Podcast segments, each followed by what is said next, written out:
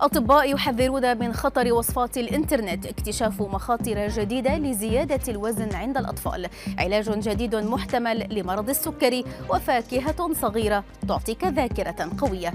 أبرز أخبار الساعات الأربع والعشرين الماضية في دقيقتين على العربية بودكاست. يقع الكثيرون ضحايا للتضليل عبر وسائل التواصل الاجتماعي حيث يروج البعض لمنتجات طبية تحت مظلة الطب الشعبي أو البديل مدعين قدرتها على علاج الأمراض ومتجاهلين مخاطرها الصحية.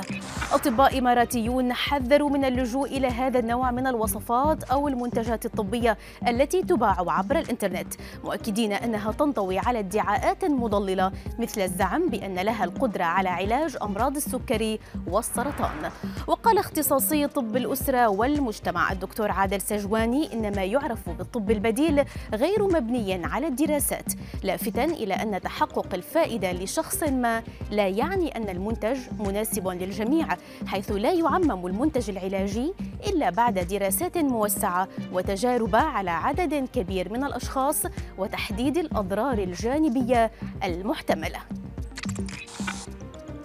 شهدت بدانة الأطفال ارتفاعا في معدلاتها بشكل كبير خلال العقود الماضية وحذرت أبحاث كثيرة من مخاطر السمنة عند الأطفال وآثارها على صحتهم في فترة المراهقة وحتى الشيخوخة.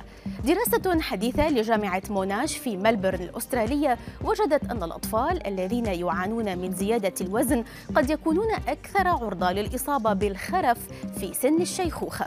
ووجدت الدراسة التي تابعت حياة أكثر من ألف طفل على مدى ثلاثين عاما أن الأطفال الأكثر رشاقة ونحافة لديهم مهارات تفكير أفضل في وقت لاحق من الحياة.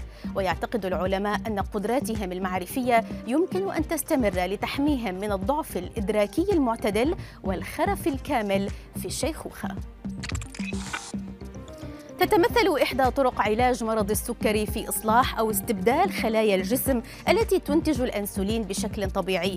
باحثون في معهد كارولينسكا في السويد توصلوا إلى تحديد جزيء صغير يساعد على تحفيز نمو خلايا جديدة منتجة للأنسولين ما يبشر بإمكانية التوصل إلى علاجات جديدة محتملة لمرض السكري. الباحثون قاموا بإجراء تجارب على أسماك وحيوانات المختبر لتحفيز تفاعل الجزيء وتوصل توصلوا إلى أنه يخفض مستويات السكر في الدم ويؤدي إلى تكوين خلايا جديدة تنتج الأنسولين في البنكرياس. يصبح الميل لنسيان الأشياء أكبر مع التقدم بالعمر وعندما يتعلق الأمر بالشيخوخه الصحيه فإن للنظام الغذائي تاثيرا كبيرا على صحة دماغك. موقع mindbodygreen نشر تقريرا حول فوائد الفواكه الغنية بالبوليفينول مثل التوت البري الذي يتميز بخصائص تمنح الصحة للدماغ وتحمي الأعصاب، كما أن للتوت البري تاثيرا على الذاكرة والمؤشرات الحيوية للإشارات العصبية. الباحثون وجدوا أيضا أن تناول التوت البري يساعد في خفض نسبة الكوليسترول الضار وبالتالي يعزز ويدعم صحة الأوعية الدموية ما يحسن من الأداء المعرفي.